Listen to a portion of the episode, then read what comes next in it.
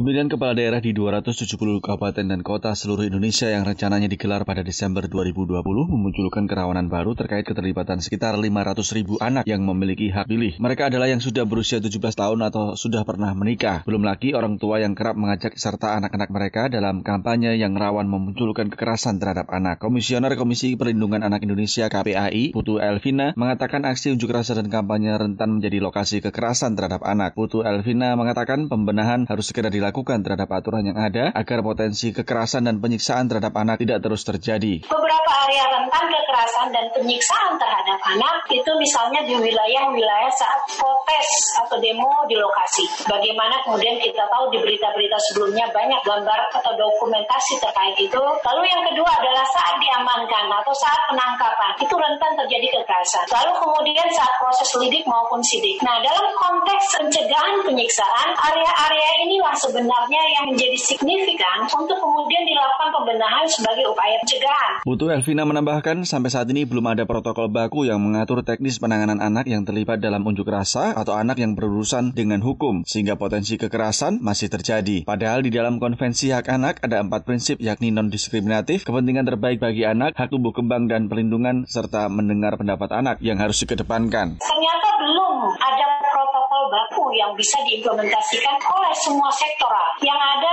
sekarang adalah aturan-aturan yang bersifat surat edaran kah itu atau telegram kah itu yang sifatnya masih parsial dan terbatas. Tidak ada aturan main yang jelas terkait protokol bagaimana penanganannya. Ketua Badan Pengawas Pemilihan Umum Bawaslu RI Abhan mengatakan keterlibatan anak di dalam kampanye pemilihan umum atau pemilu harus dapat diantisipasi jauh hari sebelum kampanye pemilu itu dilaksanakan. Orang tua harus menjadi sasaran utama kampanye agar anak tidak dilibatkan dalam kampanye yang rawan memunculkan kekerasan baik sebagai korban maupun yang turut serta melakukan. Untuk menghindari pelibatan anak dalam kampanye dan politik praktis, sudah seharusnya dilakukan suatu kampanye jauh-jauh hari sebelum waktu kampanye itu tiba dengan target dan sasaran keluarga untuk mengizinkan atau mengajak anak-anak dalam kampanye pemilu. Jika ayah ingin ikut kampanye, sebaiknya anak di rumah saya misalnya. Abhan menyebut telah ada perjanjian kesepahaman antara Bawaslu dengan KPAI yang memastikan perlunya tindak lanjut tindakan hukum terkait laporan dugaan pelibatan anak dalam kampanye pemilu serta mobilisasi dan eksploitasi anak untuk kepentingan politik praktis. Hal ini karena Undang-Undang Pemilu tidak menyebut secara jelas mengenai sanksi bagi pelibatan anak dalam kampanye. Abhan juga mengingatkan perlunya perlindungan anak selama pemilu terutama di masa pandemi